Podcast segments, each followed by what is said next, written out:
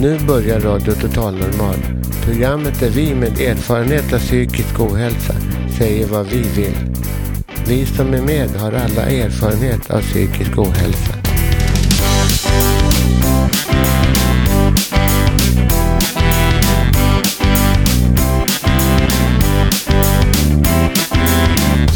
Du lyssnar på Radio Total Normal. 101,1. Totalt normalt. Radio Total Normal, torsdagar från två till halv fyra. Vi livesänder med publik från Götgatan 38 i Stockholm. Kom hit och lyssna. Här är alla röster lika värda.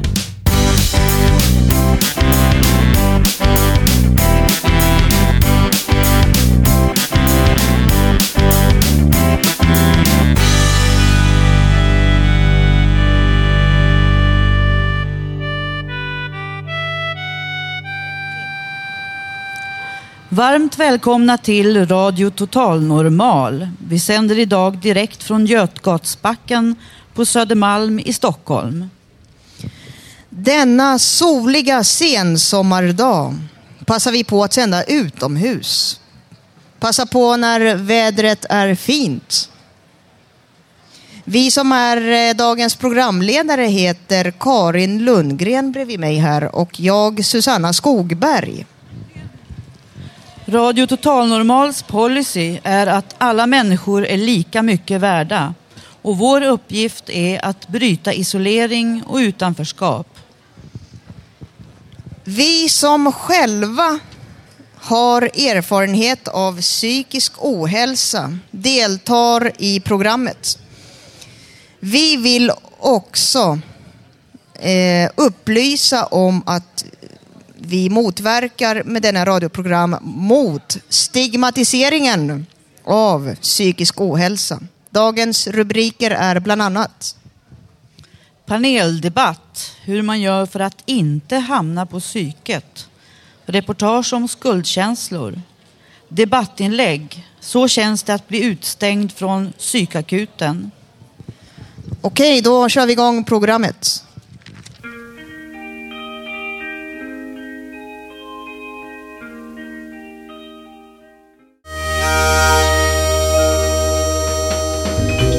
Poesi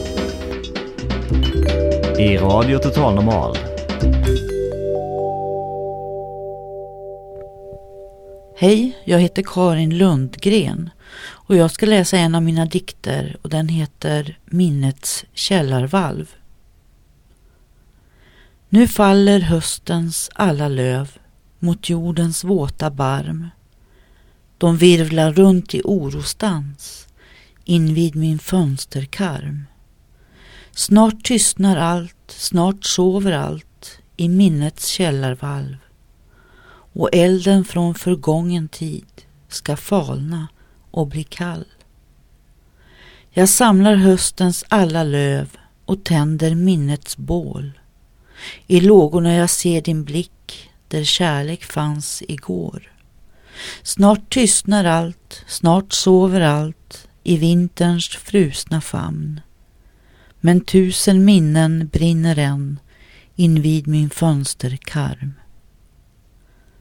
Jag skördar vårens unga sådd som höstens bittra bär.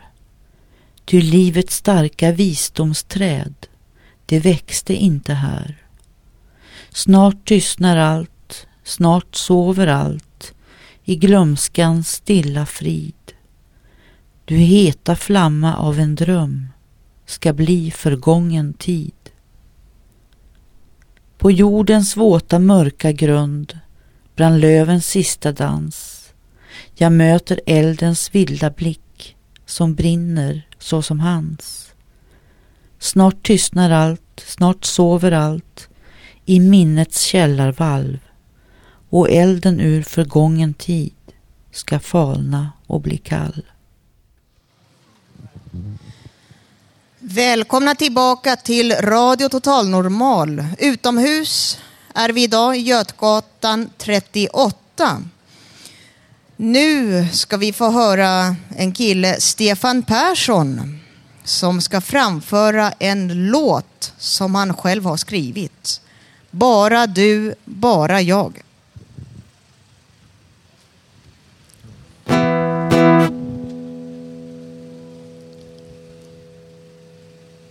Ja, den här låten heter Bara du, bara jag. Ja.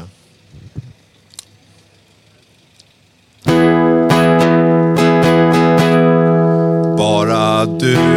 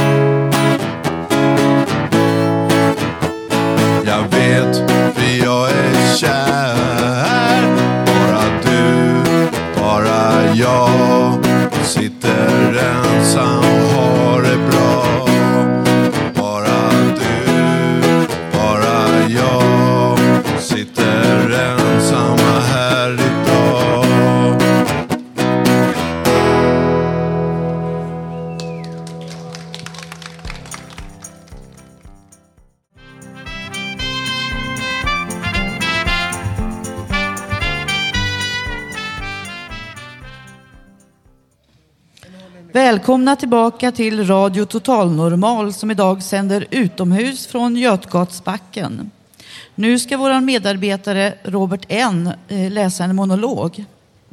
Jag ska skriva, läsa en monolog här nu som jag har skrivit idag. Som heter Vad är du? Det är väl inget problem. Det existerar inte ens i sinnevärlden. Att det skulle vara så svårt. Varför tror du att det är så?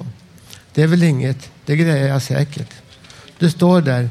Det är din ungdom eller annars också kanske. Var ska du passa in? Vad är din roll? Du vill så mycket, men vad kan du göra? Du vill så mycket, men vad kan just du göra? Är det så det är? Inte vet jag. Det är väl inte så det var. Hur var det då? Jag är som alla andra, även om det inte är så lite krystat. Men det grejer man väl. Hur ser du på ett tänkt problem? Existerar inte ens problemen med en vidareutbildning efter grundskola eller gymnasium? Var är din egen lilla roll? Var kan du passa in så att det känns bra? Det är väl klart, om jag tänker på det, kanske ändå att det vore ett problem. Vad är att göra så att det fungerar för just mig? Det är väl inget problem. Det existerar inte ens i sinnevärlden. Inte är väl det så smart. Det måste bara gå, inte mer med det. Du står där. Det är din i din ungdom. Eller annars också kanske. Var ska du passa in? Vad är din roll? Du vill så mycket, men vad kan du göra? Du vill så mycket, men vad kan du göra? Ditt vidare liv, vad blir din roll? Vad vill just du? Vad ska du jobba med? Vem ska du älska och kanske ha barn med? Hur ser du på dina konkurrenter? För sådana ska väl också du ha? Vad är din roll? Vad ska du leva av? Du kan bli en, en legend eller slutar du som en loser? Ska du bli en legend eller slutar du som en loser? Du står där i din ungdom eller annars också kanske. Var ska du passa in? Vad är din roll? Vad ska du leva av? Hur ska folk se på dig? Du vill så mycket, men vad kan just du göra? Det är ju ändå så. Du kan sluta som en loser, även om det är en bitter kaka att bita i. Tänk du vad just du kan göra för skillnad. Just du kan göra en skillnad. För inte vill väl du, du sluta på ett sätt som ingen vill. Men om du ändå gör det, hur ska då ditt liv bli? Som människa i vår mänsklighet, det är din rätt att få göra skillnad. Det är att vara människa, att göra skillnad. Tack för mig, Robert N.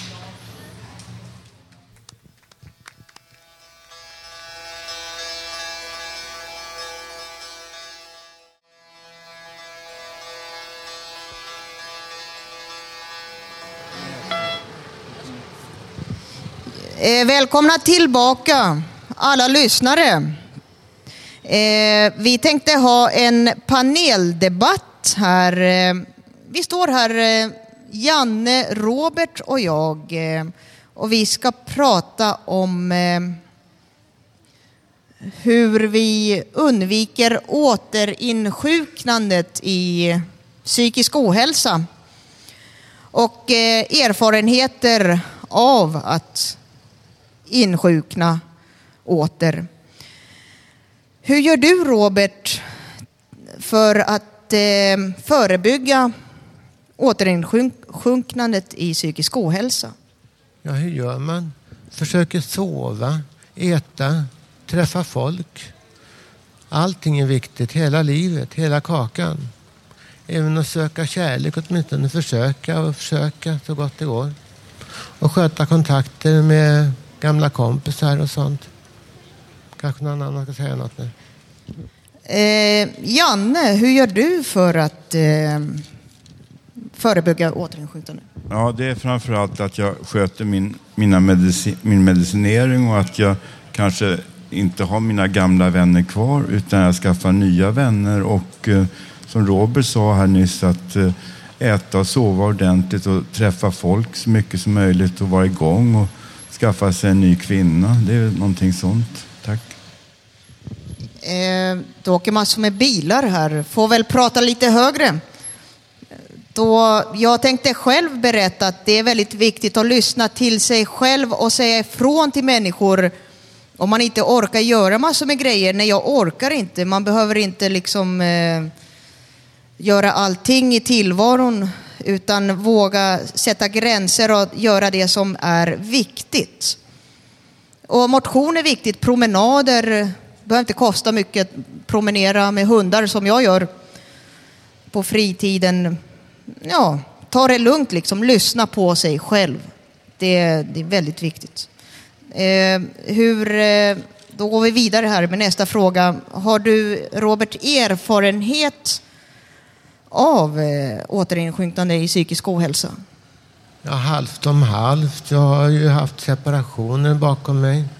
Och ja, när man började jobba efter en skola som jag var borta från en gång. Och sen var jag borta ett år till. Jag har väl aldrig haft, sen har jag väl legat inne korta perioder men det har väl aldrig varit längre än kanske några månader så som allt. Var första gången då som jag låg inne. Sen dess har jag lyckats undvika sånt där på något sätt. Det måste bara gå, det är inte mer med det. Eh, jag själv eh, när det gäller eh, erfarenhet av att bli dålig igen så det, det är också det att dålig självbild och säga ja, en ja-sägare till allting. Man måste lyssna till sig själv återigen som jag sa.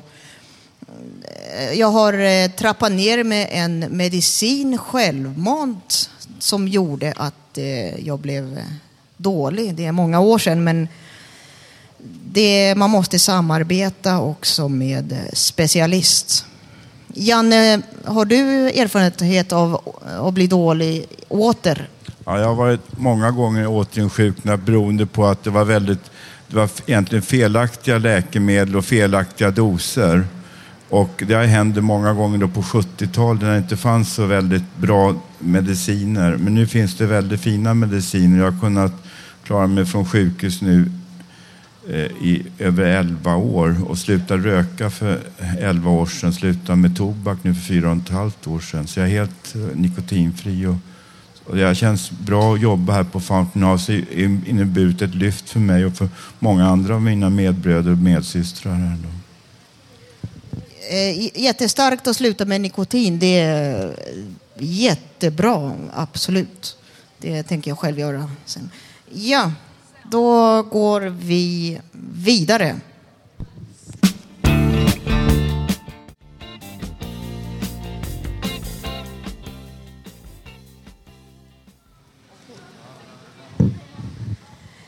Nu ska vi får höra en mycket spännande sak. Eh, jag har pratat med min eh, kompis, medarbetare Karin, som är radioproducent och har arbetat på Sveriges Radio.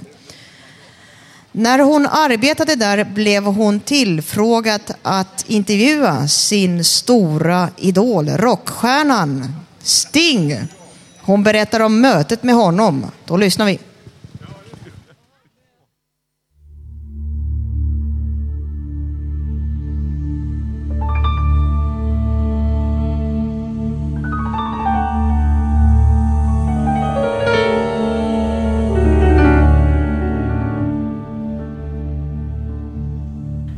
Ja, det var väl när jag träffade min idol, eh, rockstjärnan Sting, och gjorde en intervju med honom för Sveriges Radio.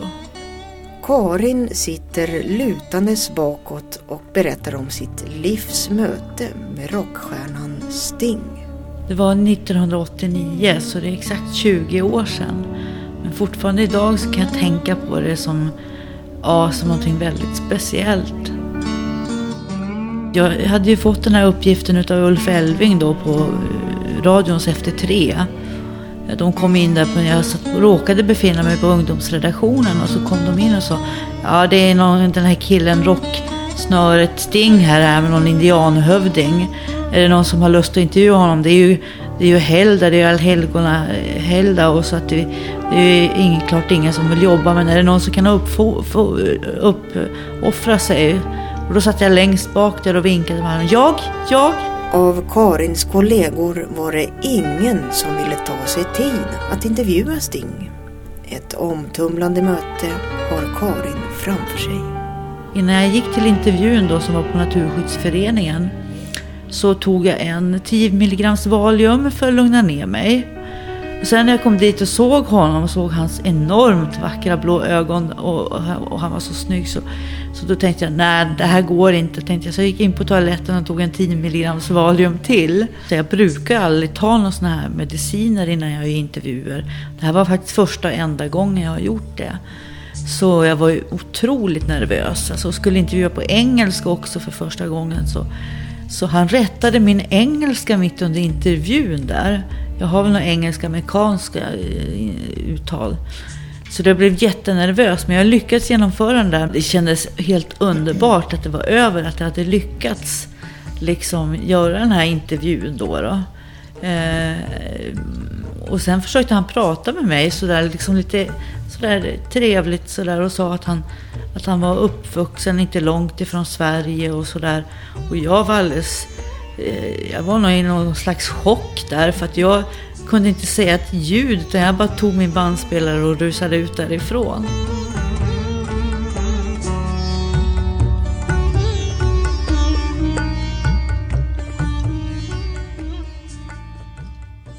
Fine lax for ladies, cheap choice, brave and new. Glory moves.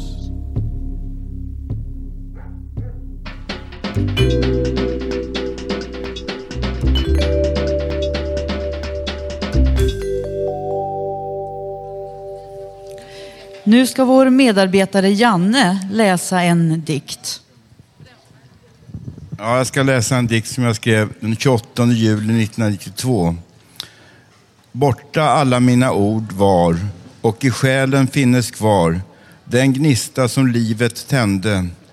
Trots allt ont som hände har mitt rätta väsen återkommit och på vägen har jag kvar en framtidslycka. Sig till sluta ville de än, tänkte ofta på en vän som aldrig sviker och alltid är mig nära, likt ett regn som sommaren ger förrän jag stilla ber om inre frid.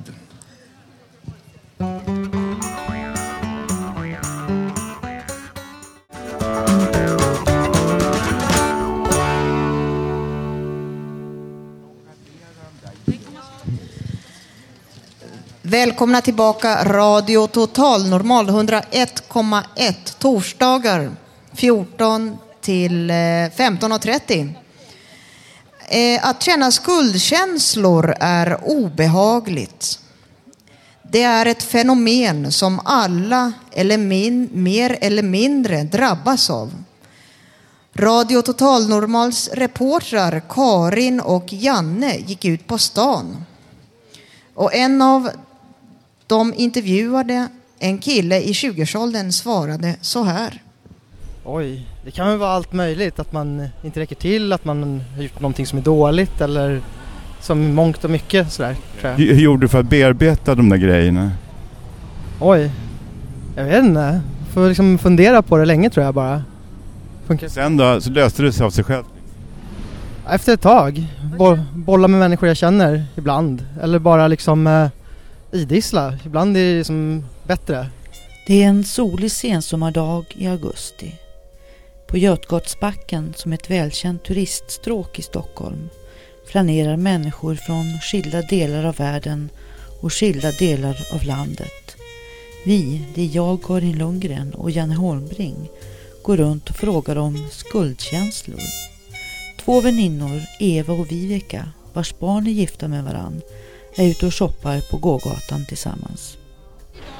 Jag lämnar mina två, eller min dotters eh, två katter och de är själva i den här värmen och då så tänker jag ha rätt till det här att gå på stan och shoppa och lämna katterna. Skuldkänsla brukar jag känna för min son, att det liksom inte har varit en bra mamma sådär. Är det någonting ni också känner? Men nej, det gör jag inte. Då har jag ett försvar att det här med bra, det är så mycket som går en, ja, det är så mycket som går igen. Jag har ju ett arv från mina föräldrar och eh, jag har ju blivit ganska bra människa så då tror jag att han blir bra också. Men visst, visst gör man väl fel? Det gör man. Men det gör alla människor i livet. Mänskligt annars. Alla människor gör fel.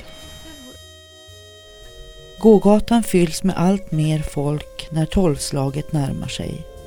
Nu är det lunchtid och flera av restaurangerna lockar med låga matpriser. En värmländsk trebarnsmamma som har varit i Stockholm i en vecka och som ska åka hem på kvällen står vid ett skyltfönster. Hon berättar att hon främst känner skuldkänslor när det gäller barnen. Det är mest de som jag kanske har skuldkänslor då ibland. Att jag inte hinner med det jag kanske vill då. Utan jag kanske säger att det får vi göra en annan dag och ja, sådana saker som jag kanske har lovat nu ska vi göra det och så hinns det inte med helt enkelt för det kommer så mycket annat som måste gå före och då kanske, åh fy nu lovar jag det och det. Så det är klart att de blir besvikna. De allra flesta som skyndar förbi på gågatan berättar att de har känt skuldkänslor. Det är ett vanligt fenomen trots att det inte alltid är befogat. Susanna som just har kommit ut från organisationen Fountain House Entré säger att hon skuldbelägger sig allt för lätt och i onödan. Skam och skuld brukar ofta hänga ihop. Eh, jag har haft mycket skam när jag har mått som sämst. Allting jag gör, eh, skuldkänslor, gjorde jag fel och jag bokade en kryssning här. Jag fick skuldkänslor, har jag gjort fel? Men jag kan inte åka av hälsoskäl liksom. Jag, jag mår inte bra fysiskt. Jag fick skuldkänslor men jag, det, det är inte bra att skuldbelägga sig själv. Skuldkänsla, är- då tar man på sig någonting som man tar så känner sig ansvarig för någonting alltså. Var det, var det så du kände? Jag, jag kände liksom eh, att jag måste anpassa mig och vara den perfekta. Jag får inte avboka, jag får inte se- säga ifrån men det är bättre att liksom skita i vad andra tycker. Man måste ha samvete men eh, liksom eh, inte ha för mycket skuld, skuldbeläggning av sig själv alltså.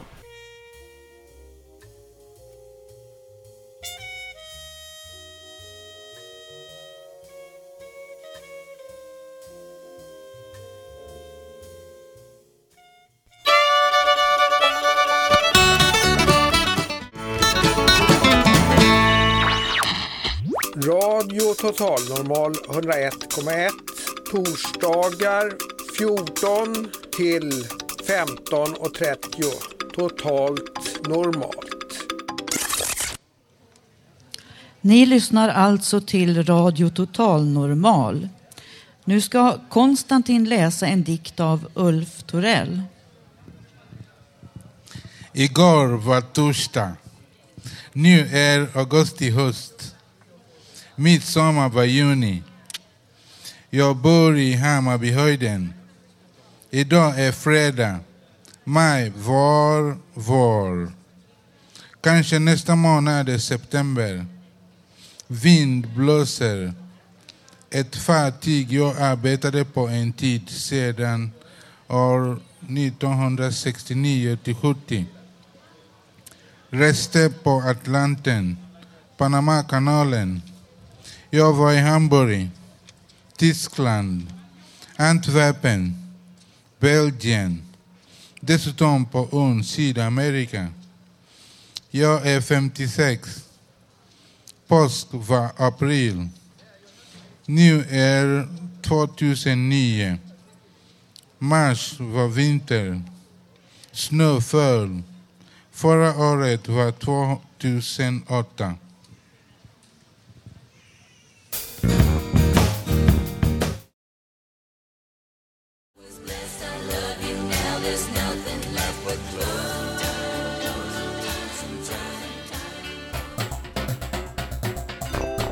Jag heter Ann-Marie Risberger. Och jag heter Lillemor. Vi brukar sjunga och spela i Radio Total Normal. Lyssna vet jag. Radio Total Normal. Eh, välkomna tillbaka. Nu ska en av våra medarbetare, Vallo, ha en, ett inlägg, också debatt om rattonykterhet. Varsågod. Tack. Vet ni hur många som kör alkoholpåverkade? Jo, 525 stycken per timme kör med alkohol i kroppen i Sveriges avlånga land. Varför? Har inte alla ett enskilt ansvar som kör i trafiken? Vad ska vi medtrafikanter göra? Hur ska vi stoppa det? Fler poliser? Alkolås? Nej, fler behandlingshem behövs. Och när oskyldiga drabbas i svåra trafikolyckor som leder till psykiska problem efteråt. Och när vi utsätts för livshotande händelser eller svåra förluster kan vi inte veta i förväg hur vi kommer att reagera. Starka till synes konstiga reaktioner är faktiskt helt normala när man har drabbats av en svår händelse. Men vi tolkar lätt våra egna eller andras reaktioner som onormala, vilket det inte är. Att känna till vilka reaktioner som man kan förvänta sig gör det lättare att hantera situationen. Tack för mig. Tack så mycket.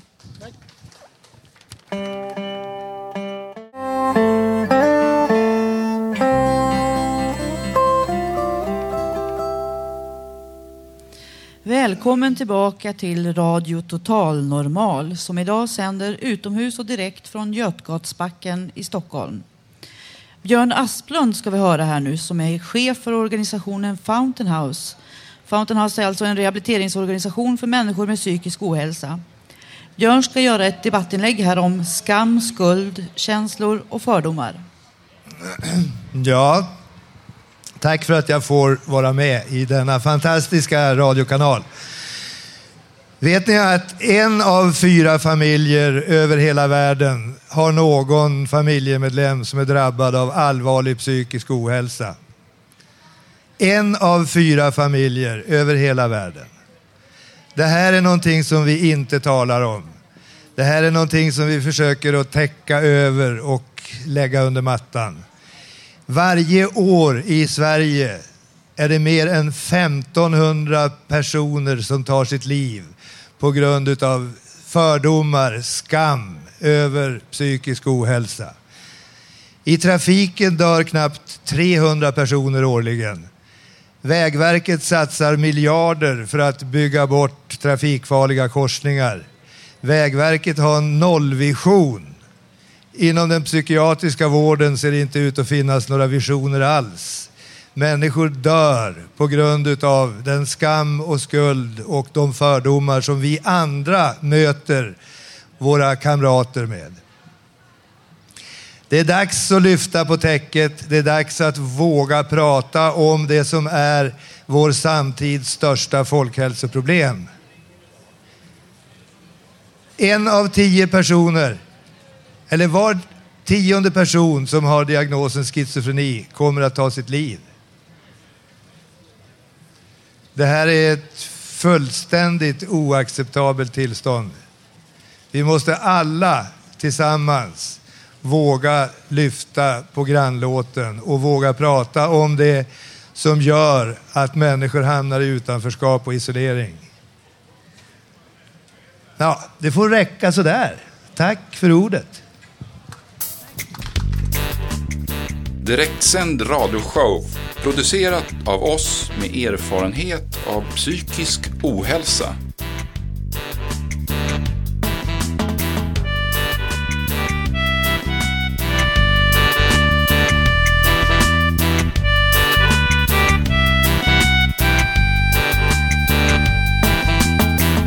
Radio Total Normal.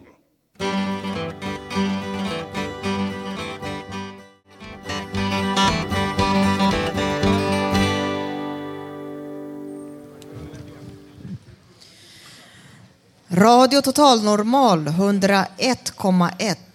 Götgatan 38. Södermalm, Stockholm. Eh, jag eh, tänkte berätta till er eh, om mig själv och mina personliga erfarenheter just det här och söka akutvård på psykakuten, psykiatrisk akutvård. Det finns ju också akutvård eh, för andra tillstånd, somatiska tillstånd. Men eh, under en period på tio år 99 till 2009 har jag sökt, försökt söka mig in på psykakuten Sankt Göran tre gånger. Senast var ungefär fyra år sedan jag eh, fick följa av en jättebra kompis till mig, en killkompis. Jag var helt knäckt för att eh, jag var deprimerad. Jag var i en situation som eh, var outhärdlig. Eh, jag eh, jobbade på eh, sån här hunddagis ute i Västerort. Hunddagis, ej omplaceringshemmet där jag är nu som volontär. Ett annat ställe då menar jag. I, närmare Black, Blackeberg. Men eh, jag var väldigt konflikträdd mer då än förr och jag mådde jättedåligt. Jag var väldigt rädd för en person där och väldigt obehagligt. Och, jag pallade inte trycket. Jag fick följe dit eh, med boendestöd för att liksom uthärda, härda ut. Jag vågar inte säga ifrån. Men detta resulterar i att jag, jag pallar inte trycket. Jag kan inte forcera fram liksom och stå ut i situationer. Utan jag sökte mig en regnig dag, kommer jag ihåg. Det regnade i Sankt Göran psykakuten.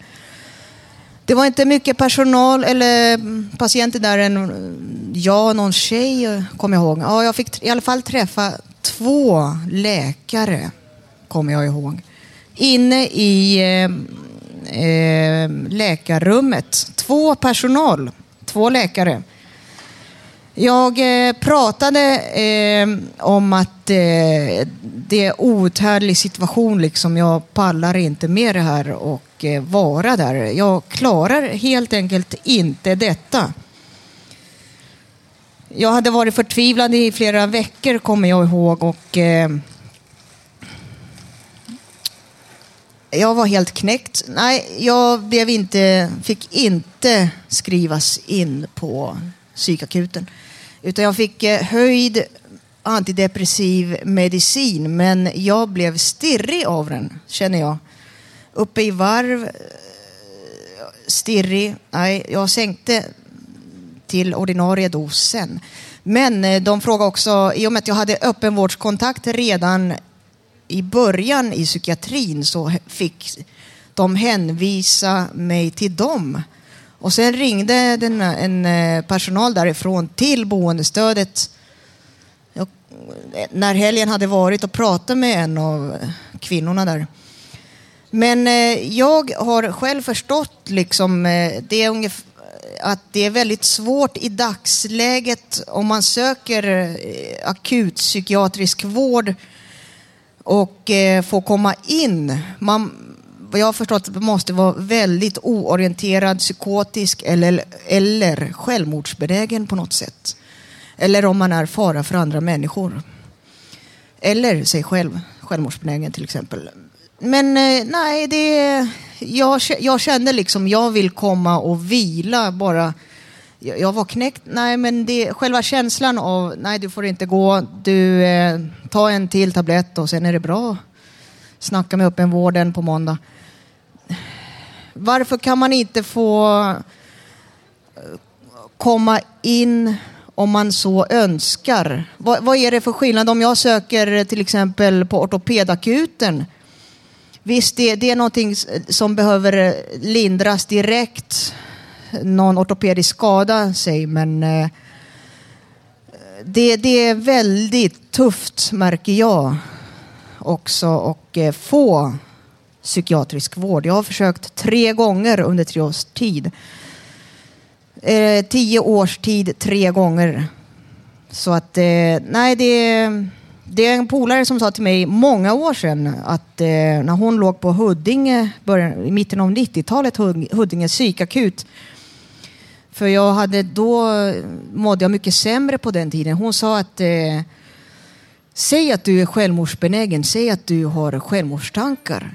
Självklart har alla människor, alltså jag har en önskan att inte leva någon gång. Det men jag har aldrig gått i handling och gjort någonting. Men just det där att hitta på grejer när jag var där i läkarrummet den gången, sista gången här. Jag kan inte ljuga för att komma in på psyket liksom. Det är inte min grej. Ja, men eh, uppenbarligen så, jag vet inte, men eh, hon sa så till mig. Men jag har ingen kontakt med henne idag. Men det är väldigt tufft som sagt. Jag vet inte varför det har blivit så här. Tyvärr. Eh, är det någon som har inlägg? Janne? Ja, jag har ju många erfarenheter av psykiatri, eh, psykakuten då, särskilt då Huddinge sjukhus. Och de, de flesta gånger jag har varit där så har jag fått någon form av hjälp, men många gånger har de ju sagt ta de här tabletterna och åk hem då. Då har jag suttit där kanske en timme eller två eller kanske till och med högst sex timmar och väntat. Och jag, jag har ju fått hjälp därifrån och eh, det var också så i början på, eh, slutet på 60-talet, början på 70-talet fanns det inte så bra öppenvård. Och därför var det då den här slutna vården. Man skulle alltid prata med en doktor. Eh, eh mentalvårdaren, mentalskötaren hade egentligen ingen riktig utbildning utan det kunde vem som helst egentligen gå in och jobba på Långbro sjukhus eller Beckomberga sjukhus. Och om ni orkar med det här bara så jobba här. Och då satt personalen på sjukhuset satt och spelade kort på rasterna. Och vi fick egentligen ingen vård utan det var liksom ungefär som att behandla kreatur, mat och mediciner och möjligtvis man kunde få låna badrummet. Sådär. Och det var ju mycket så då. Men sen har ju eh, öppenvården blivit bättre i alla fall. Och det är ju tack vare den. Och sen vår egen kamp här, Fountain House, som fungerat i verkligheten sedan 1947. Började i New York och de hade råkat ha en fontän utanför sitt hus där. Och de fick det där huset och det var ju patienter från gamla stora men, amerikanska mentalsjukhus som kom ut därifrån och upplevde då att det är ingen annan än vi själva som vill hjälpa oss. Andra människor bryr sig inte om oss. Vi är en stor grupp. Det är en procent av jordens befolkning som utvecklar någon form av psykossjukdomar. Och då ska vi lägga till alla andra former av psykisk sjukdom också. Manisk depressiv och de, de, depressioner och de här nya diagnoserna, o, vad de heter, OCD, allt möjligt. Och det är ju fruktansvärt att man inte får hjälp då när man behöver hjälp. Och det tycker jag ska, samhället ska skärpa sig och bygga ut slutenvårdsplatserna så mycket som möjligt och när behovet är så stort. Det är mitt råd till våra kära, kära politiker. Tack för ordet. Ja, tack. Då går vi vidare.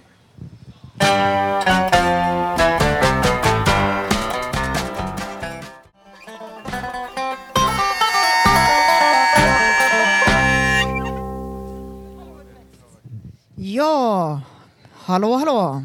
Eh, vi börjar närma oss slutet av programmet. Idag har ni bland annat fått höra Björn, chef för Fountain House, berätta om skam och skuldkänslor. Vi har hört dikter och musik. Och eh, Karins möte med sin idol Sting, Robert N, har läst en monolog. Producent för dagens program har varit Hanna Samlin. Tekniker Leni Günther. Musikläggare Gunnar och Bror Christer. Och vi som har varit programledare heter Karin Lundgren och Susanna Skogberg. Dagens tankeställare är varje människa är unik. Man är inte sin diagnos.